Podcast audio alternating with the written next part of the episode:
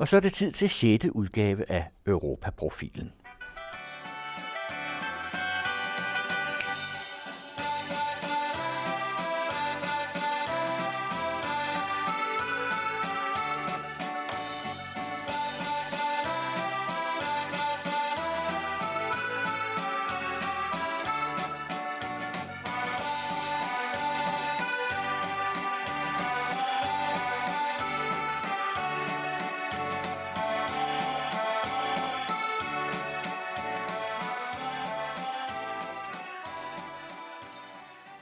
Velkommen til Europa-profilen, der i efterårets programmer først og fremmest fokuserer på EU's vækststrategi 2020 og folkeafstemningen om retsforbeholdet.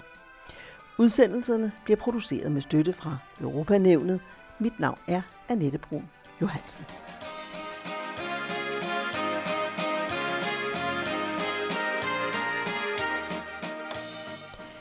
I dag er det EU's vækststrategi, der er på programmet. I en verden af forandring ønsker vi, at EU skal blive en intelligent, bæredygtig og inklusiv økonomi. Disse tre gensidigt forstærkende prioriteter skal hjælpe EU og medlemslandene med at skabe høj beskæftigelse, produktivitet og social samhørighed. Sådan hedder det i Europakommissionens officielle strategi for vækst 2020.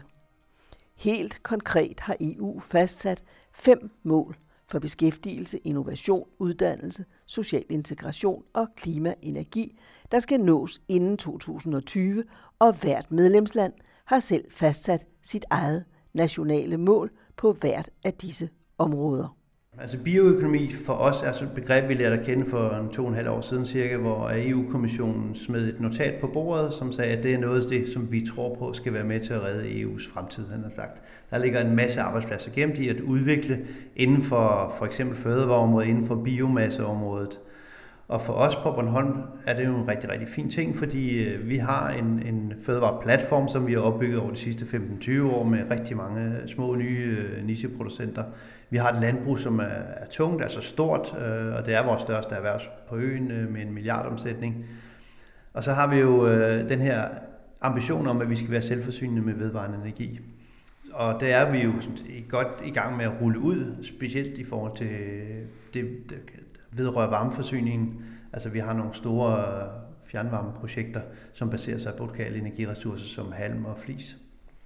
Bornholm er en dejlig ferieø, men det er også et dansk udkantområde i krise. Arbejdspladserne forsvinder, skatteborgerne flytter fra øen, og det bliver dyrt at opretholde sygehuse, lufthavne, færger og meget mere med en befolkning, der bliver mindre og ældre. Hvordan implementeres EU's vækststrategi 2020 her? Et af svarene er bioøkonomi, helt i overensstemmelse med EU-kommissionens strategi for bæredygtig bioøkonomi i Europa. Hans Jørgen Jensen er leder af LAG Bornholm. Hør en samtale med Hans Jørgen Jensen lige om lidt. Siger EU's hvad hedder det, vækststrategi der noget? Nej. Nej. Nej. Nej. Hvad betyder EU generelt for dig? Ja, historiker. Så historisk set, så har det betydet fred mm. og velstand. Ja. Øh, og en masse praktiske, nemmere ting og sager. Nu er det gået lidt over gevind, synes jeg nok. Øh, nu synes jeg, det bliver en detaljstyring, som vi er bedst tjent uden det bliver for små ting, det handler om? Eller ja, og, du? og, det bliver, og det ja. bliver også øh, for stor en afstand. Altså, vi, jo ikke, vi kan jo ikke...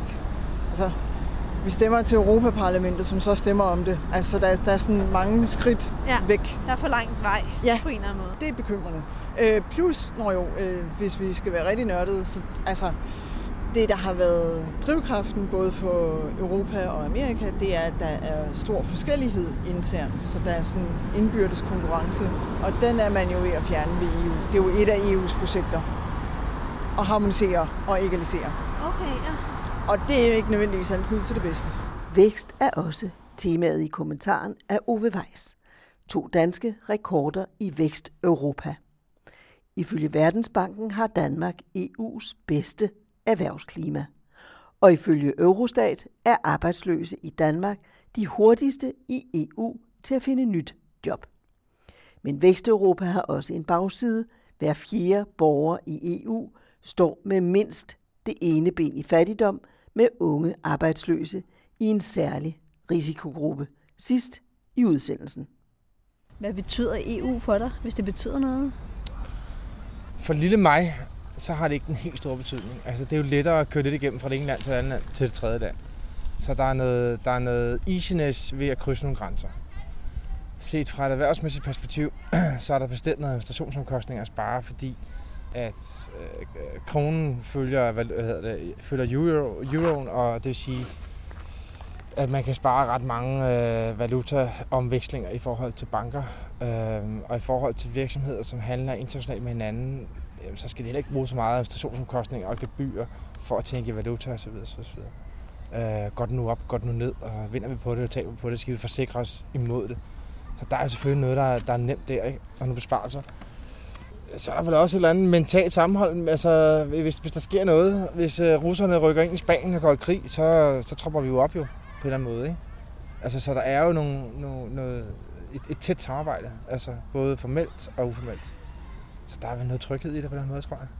På engelsk vil jeg nok, altså ja, safetyness og, og, og så det, det er easy, og, det, og hvad er et andet ord for det? Det er vel øh, convenient. Ja, mm det er convenient, det er let med hensyn til krydse nogle grænser og, og i forhold til samhandlen, ikke? Mm. Ja. Ja. Hvad med hvad er det, EU's vækststrategi?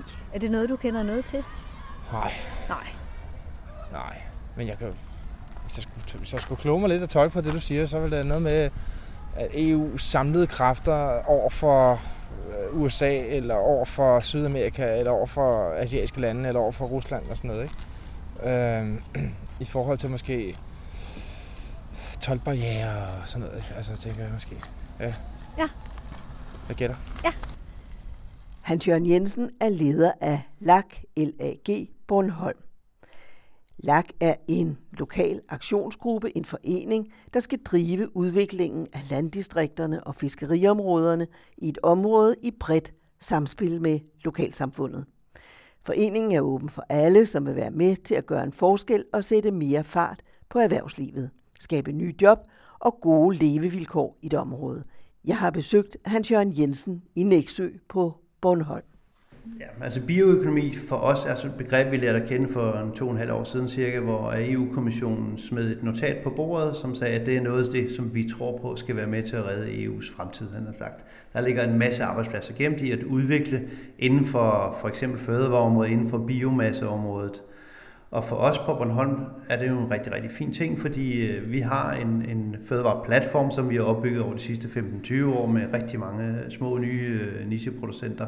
Vi har et landbrug, som er, er tungt, altså stort, øh, og det er vores største erhverv på øen med en milliardomsætning.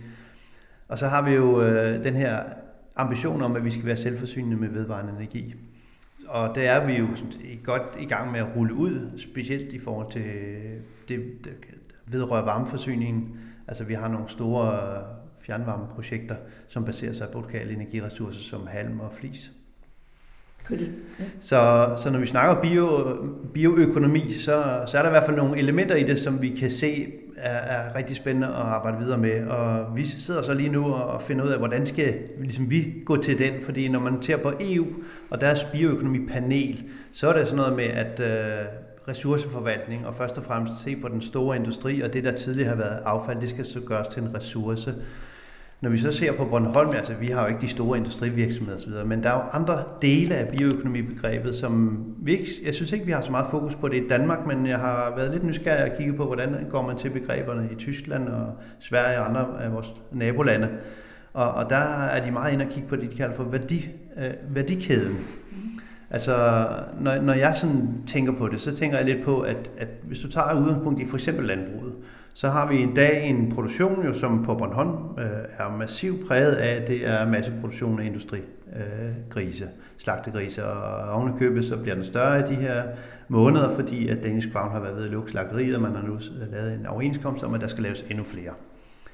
Og så er det jo, at det virker lidt som om, at det er en stakket frist, fordi øh, hvis vi ser på vores slagteri, det er jo et lille et i Danish Crown sammenhæng. Så det vil altid halte efter, og vi har nogle særlige Så der er ikke det udfordringer. langsigtede perspektiv i det. Nej, det virker ikke sådan. Altså, nu er det reddet i en femårig periode, men hvad så? Og derfor så tænker jeg lidt på, når jeg går ind og sådan analyserer lidt på landbruget, så ser jeg, at en af de store poster i landbruget er jo også, at vi importerer en masse proteinfoder fra Sydamerika. Det er jo GMO-soja, og hvis man graver lidt ned i, hvordan det bliver dyrket i, i Sydamerika, jamen, så er der rigtig mange problemer med miljøet, øh, pesticidrester og hvad ved jeg. Og, og en af tankerne er jo så, kunne vi måske overveje at blive selvforsynet med proteinfoder på Bornholm? Det vil sige, at vi skal have vores landmænd til at, at dyrke deres eget proteinfoder. Og det, det sjove og spændende i det her er jo, at der er faktisk nogen, der allerede prøver. Og en af dem, som ja, vi ovenkøber en af vores bestyrelsesmedlemmer, som er landmand, og han er rigtig stor, han laver en 20-25.000 slagtesvin om året. Uh, han har så for nylig også øh, købt sig ind i noget økologi, så han er også begyndt at lave økologiske grise. Og han har en klar ambition om, at han også skal være selvforsynet med, med proteinfoder, og han er simpelthen gået i gang. Altså sidste år havde han jo 20 procent af sin jord øh, plantet til med hestebønder. Og det viser sig, at det har været meget nemmere, end man egentlig troede, at gå over til at, at bruge for eksempel hestebønder som proteinfoder. Men der skal andre ting til. Der er også nogle, noget kemi i det her med proteinfoder, fordi det er noget med aminosyre sammensætning i foder, så man kan ikke bare sådan lige umiddelbart. Så det kan være, at der skal noget bearbejdning af nogle af de her råvarer til. Men der kan ligge flere gevinster Men der i ligger rigtig meget Også gevinster det, i man ikke det. skal importere. Ja, og for mig at se, så handler det også om et andet begreb, som vi arbejder mere og mere med, som handler om lokaløkonomi og øøkonomi, altså cirkuløkonomi. Der er mange af de her begreber, som er i luften for øjeblikket. Og jeg plejer at sige, at kan vi flytte et forbrug på noget, vi køber udefra, til en værdi omkring en million, til noget, vi selv laver, så har vi faktisk skabt en arbejdsplads på Bornholm. Hvis vi siger, at en million i omsætning, det cirka svarer til en arbejdsplads, en års arbejdsplads. Og det er der jo noget, der tyder på, at det kan vi godt gøre i ret stor stil faktisk.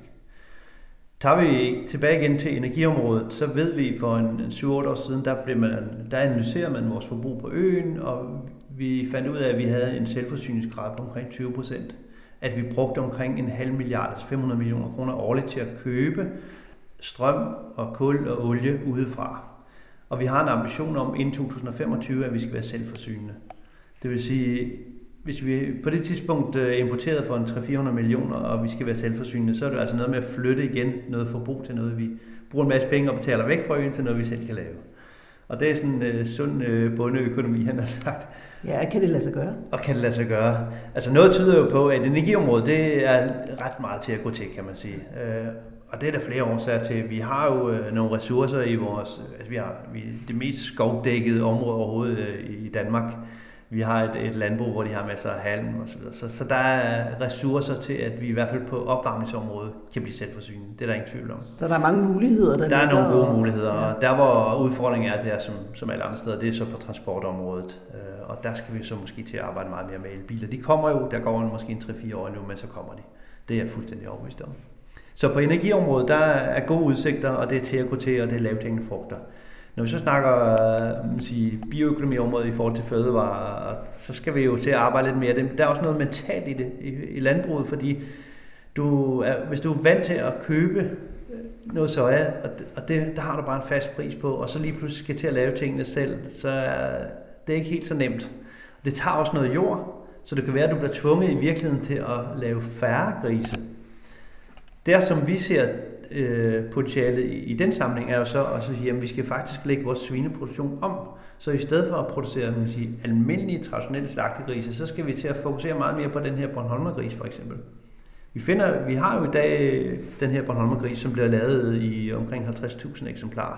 Det vil sige godt og vel 10 procent af vores nuværende svineproduktion bliver produceret som en Bornholmergris. Og en Bornholmergris er en, der er en gris, der har lidt bedre plads. Den har fast øh, grund under fødderne, der sagt. Den, den får halm, og, og, og Der der, er er, noget- der er noget dyrevelfærdsmæssigt i det. En, en smule.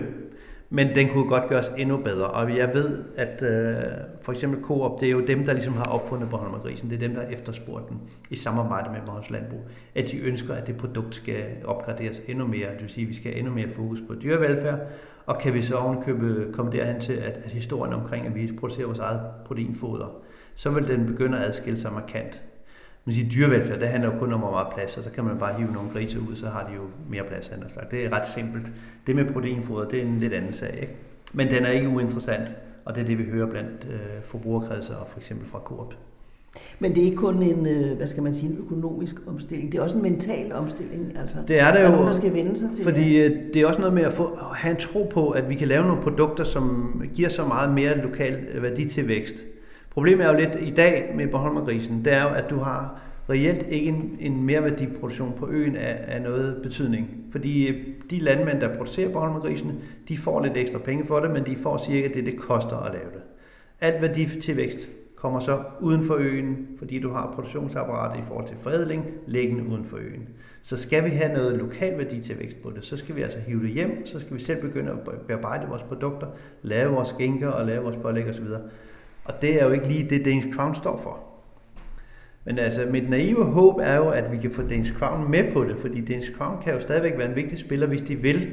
Altså hvis de kunne man sige, adoptere lidt af den måde, som man forretningsmæssigt går til det, for eksempel inden for Arla, hvor man jo så i en lang periode, hvor de opkøbte mejerier og nedlagde dem og fjernede alt inventar, og så blev vi bare større og større, til at de senere år er de også gået ind og overtaget en, en række mindre mejerier, men hvor de har fået lov til at beholde deres profil og måske ovenikøbet udvikle på, på basis af det navn eller det område, de nu måtte komme fra.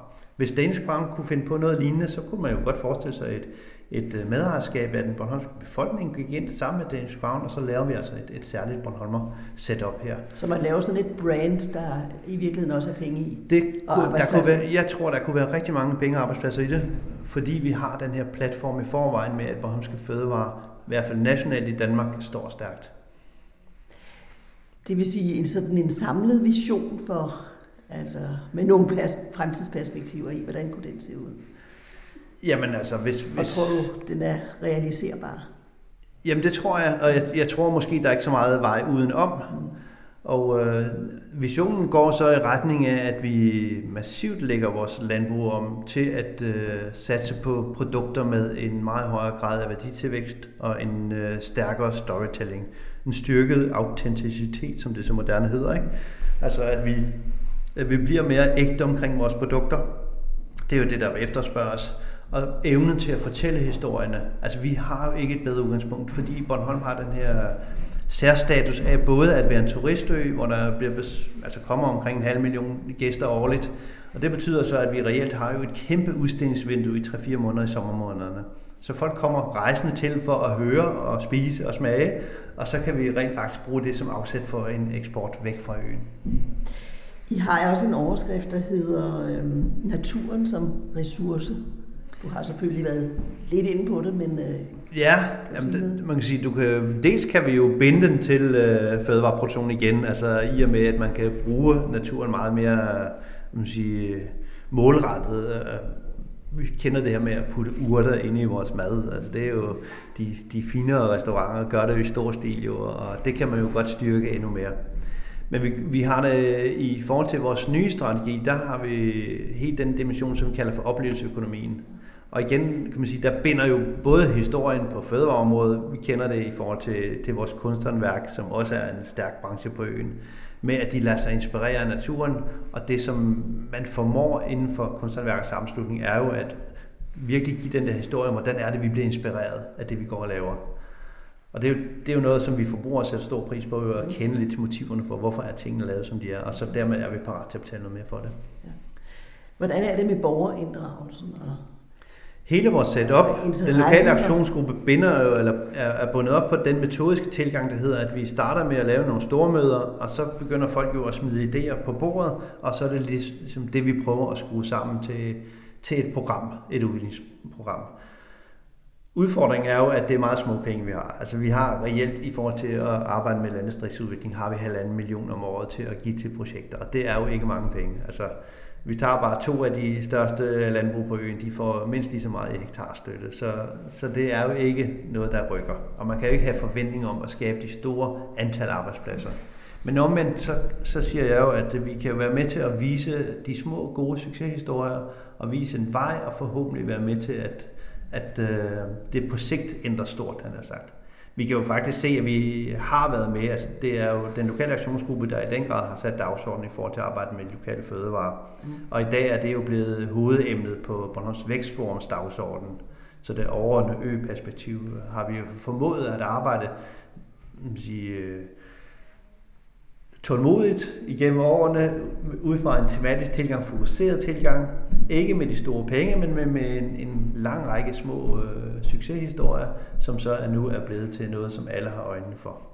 Men Bornholm har også brug for øh, fremtidsperspektiver, ikke? og har brug for omstilling. Absolut. Og nye måder at tænke på. Ja, altså man kan sige, det der kendetegner lidt øens, øh, sige det officielle Bornholm Kommunes arbejde igennem de senere år har jo været det her med, at vi vil gerne være fremstå som Bright Green Island, og vi vil gerne lave tilflytterkampagner osv. Men det gør alle jo efterhånden. Så det handler jo i højere grad om virkelig at få fokus på sine styrkeområder. Og så tror jeg også, at vi har i hvert fald besluttet i vores lokale aktionsgruppe, at vi, vi skal tænke mere i samarbejde, også med områder uden for øen. Og her tænker vi i denne omgang i hvert fald at, at sige, kan vi ikke prøve at knytte os endnu mere til København?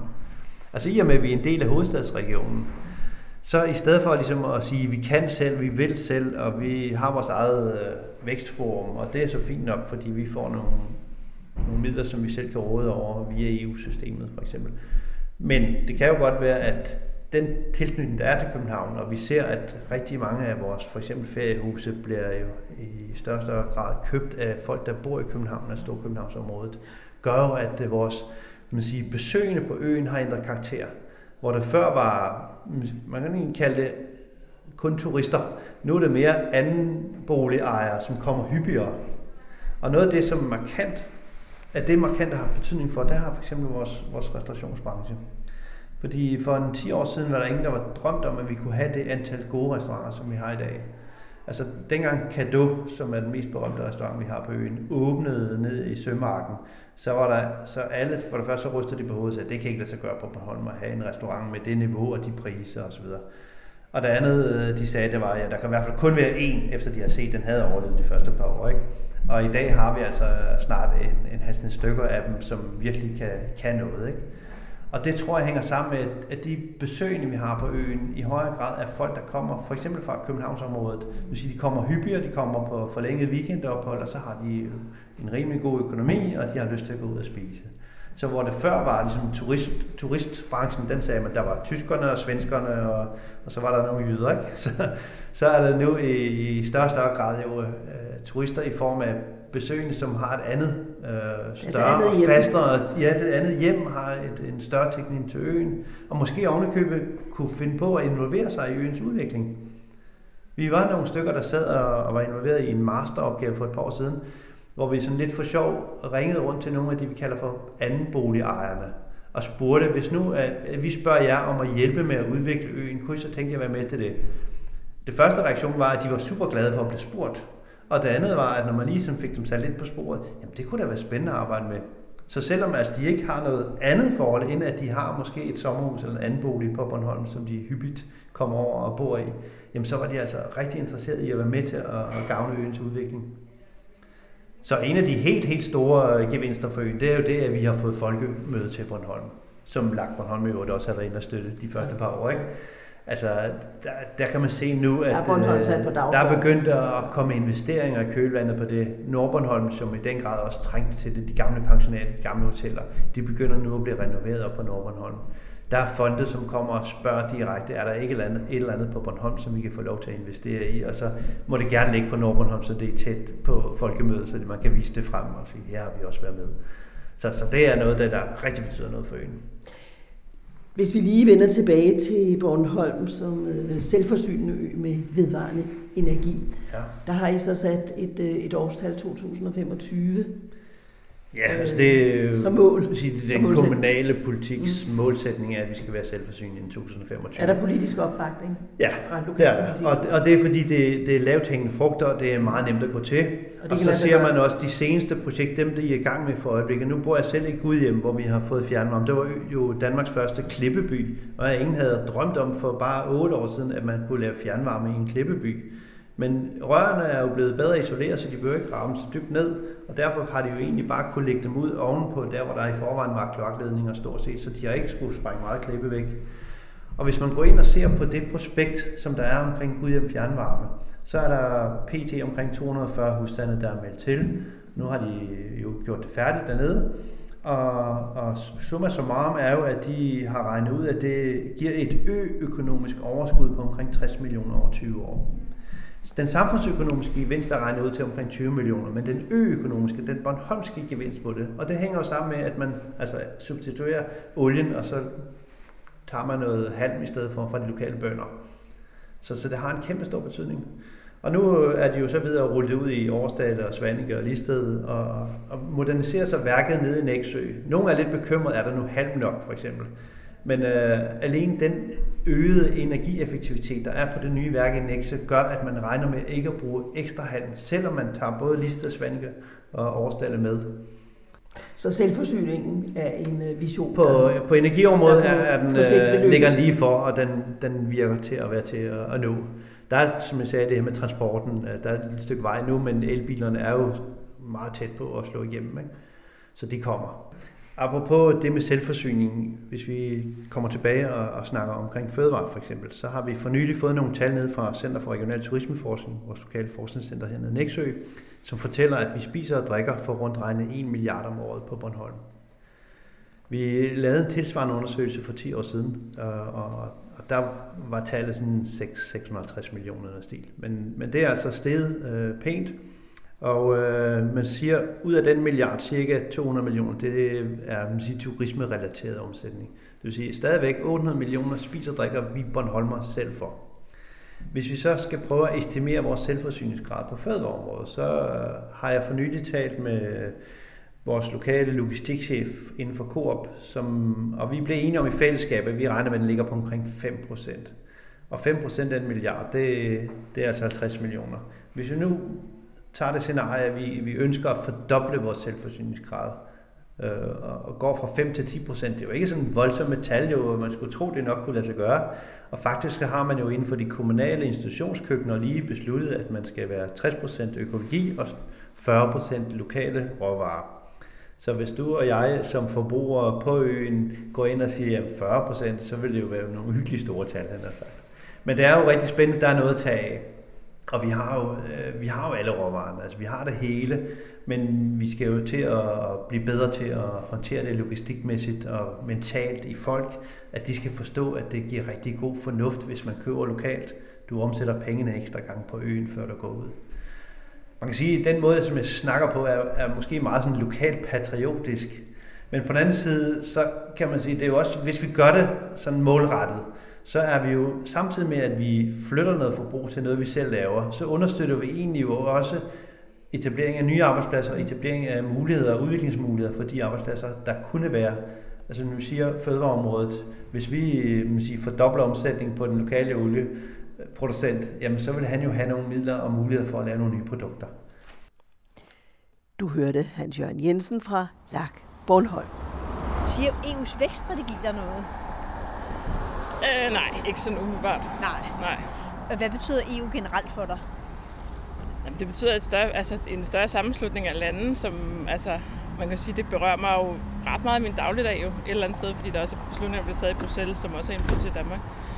Jeg tænker, at det er, er meget godt på nogle områder, og rigtig skidt på nogle andre, og ikke sådan super EU-tilhænger er slet ikke sådan meget nej, siger man sådan lige nok midt imellem. Der er masser af gode ja. ting, der er også masser af dårlige ting. Ja to danske rekorder i Vesteuropa. Ifølge Verdensbanken har Danmark EU's bedste erhvervsklima, og ifølge Eurostat er arbejdsløse i Danmark de hurtigste i EU til at finde nyt job.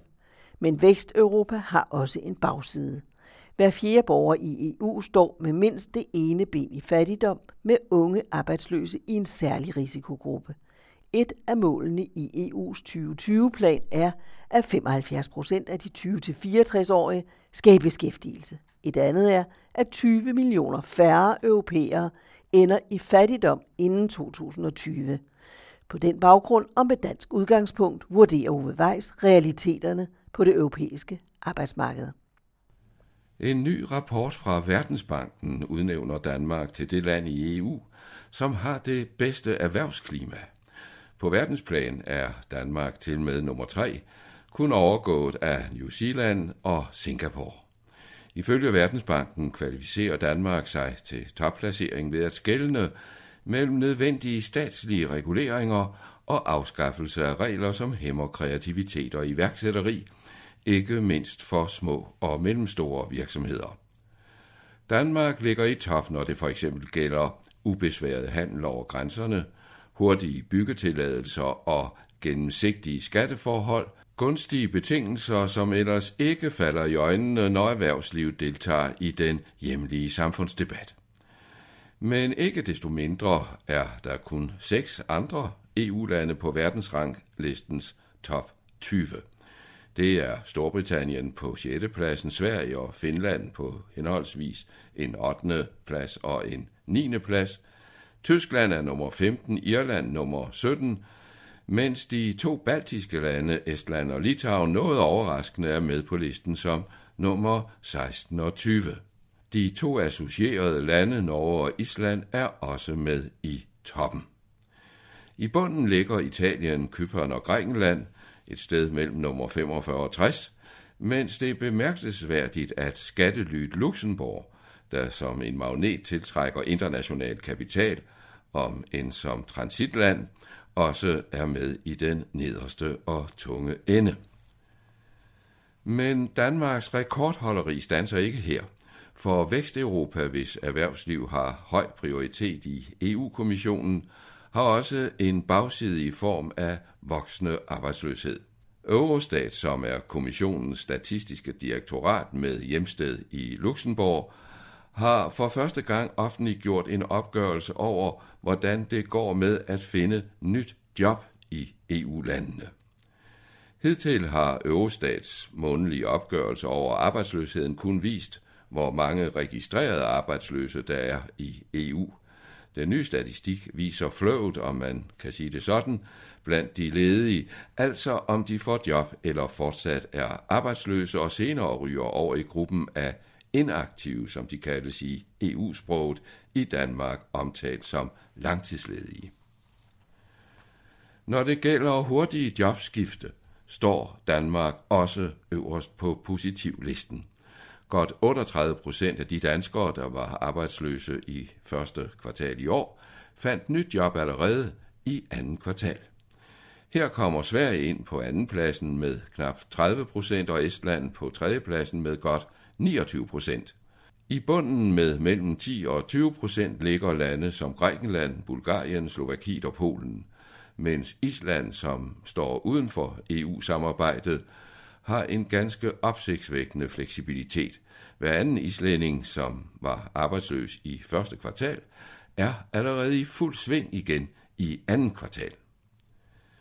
Når det drejer sig om langtidsledigheden, altså hvad EU som nævnt kalder inaktiviteten, har Danmark derimod en middelplacering.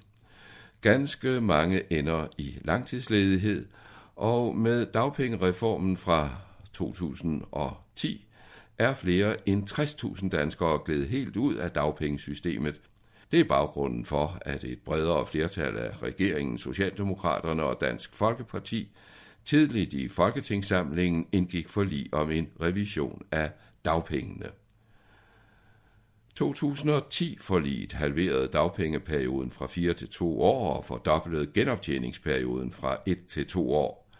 Med det nye dagpengesystem, som lægger sig tæt op af dagpengekommissionens forslag, er det muligt ved kortvarigt arbejde at spare op til et tredje år på dagpenge, ud fra princippet om, at en dags arbejde giver ret til to ekstra dage på dagpenge.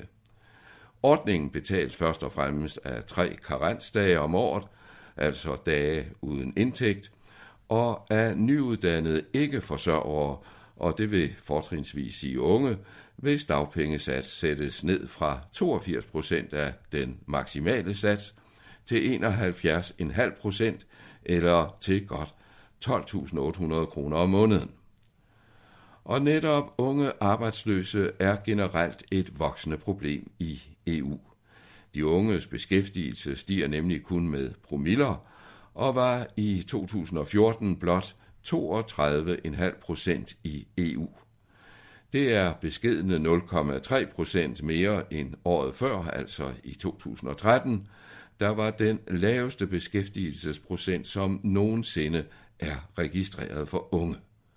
og de, der har fundet et job, må ofte klare sig med midlertidige ansættelser.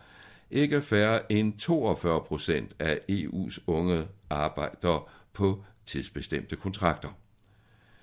EU vedtog ellers i 2013 en garanti for unge, så de efter fire måneders arbejdsløshed eller færdig uddannelse får tilbud om job, læreplads, fortsat uddannelse eller praktikplads.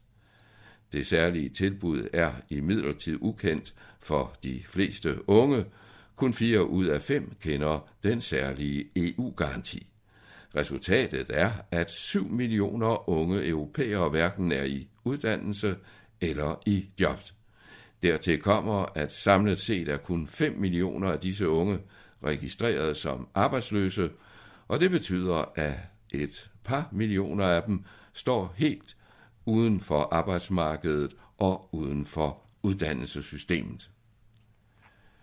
Der er frem til 2020 afsat 50 milliarder kroner til ungegarantien, men eksperter anslår, at der reelt er brug for ikke færre end 375 milliarder, hvis EU ellers skal leve op til sin 2020-plan.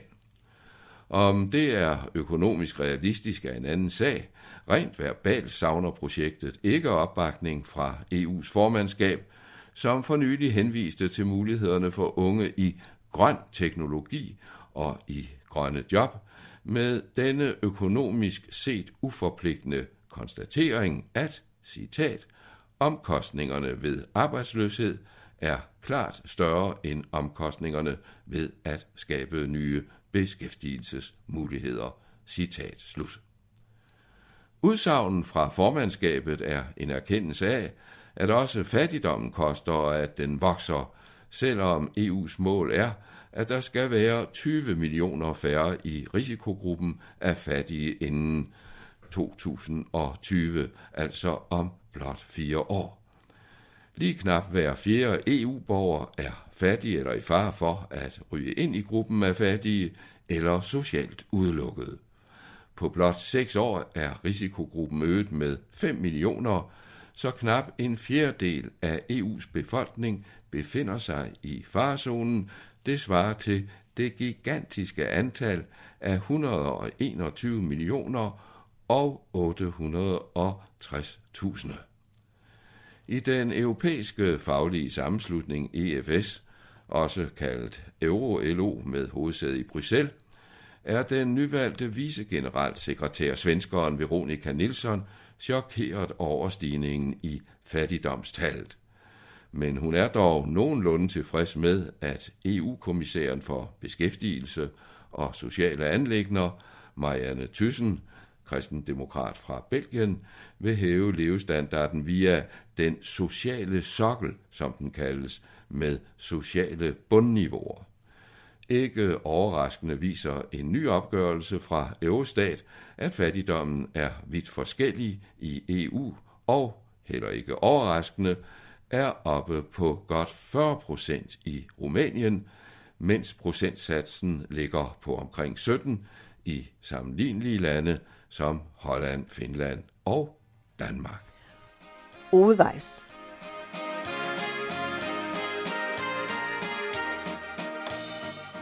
Europaprofilen produceres med støtte fra Europanævnet.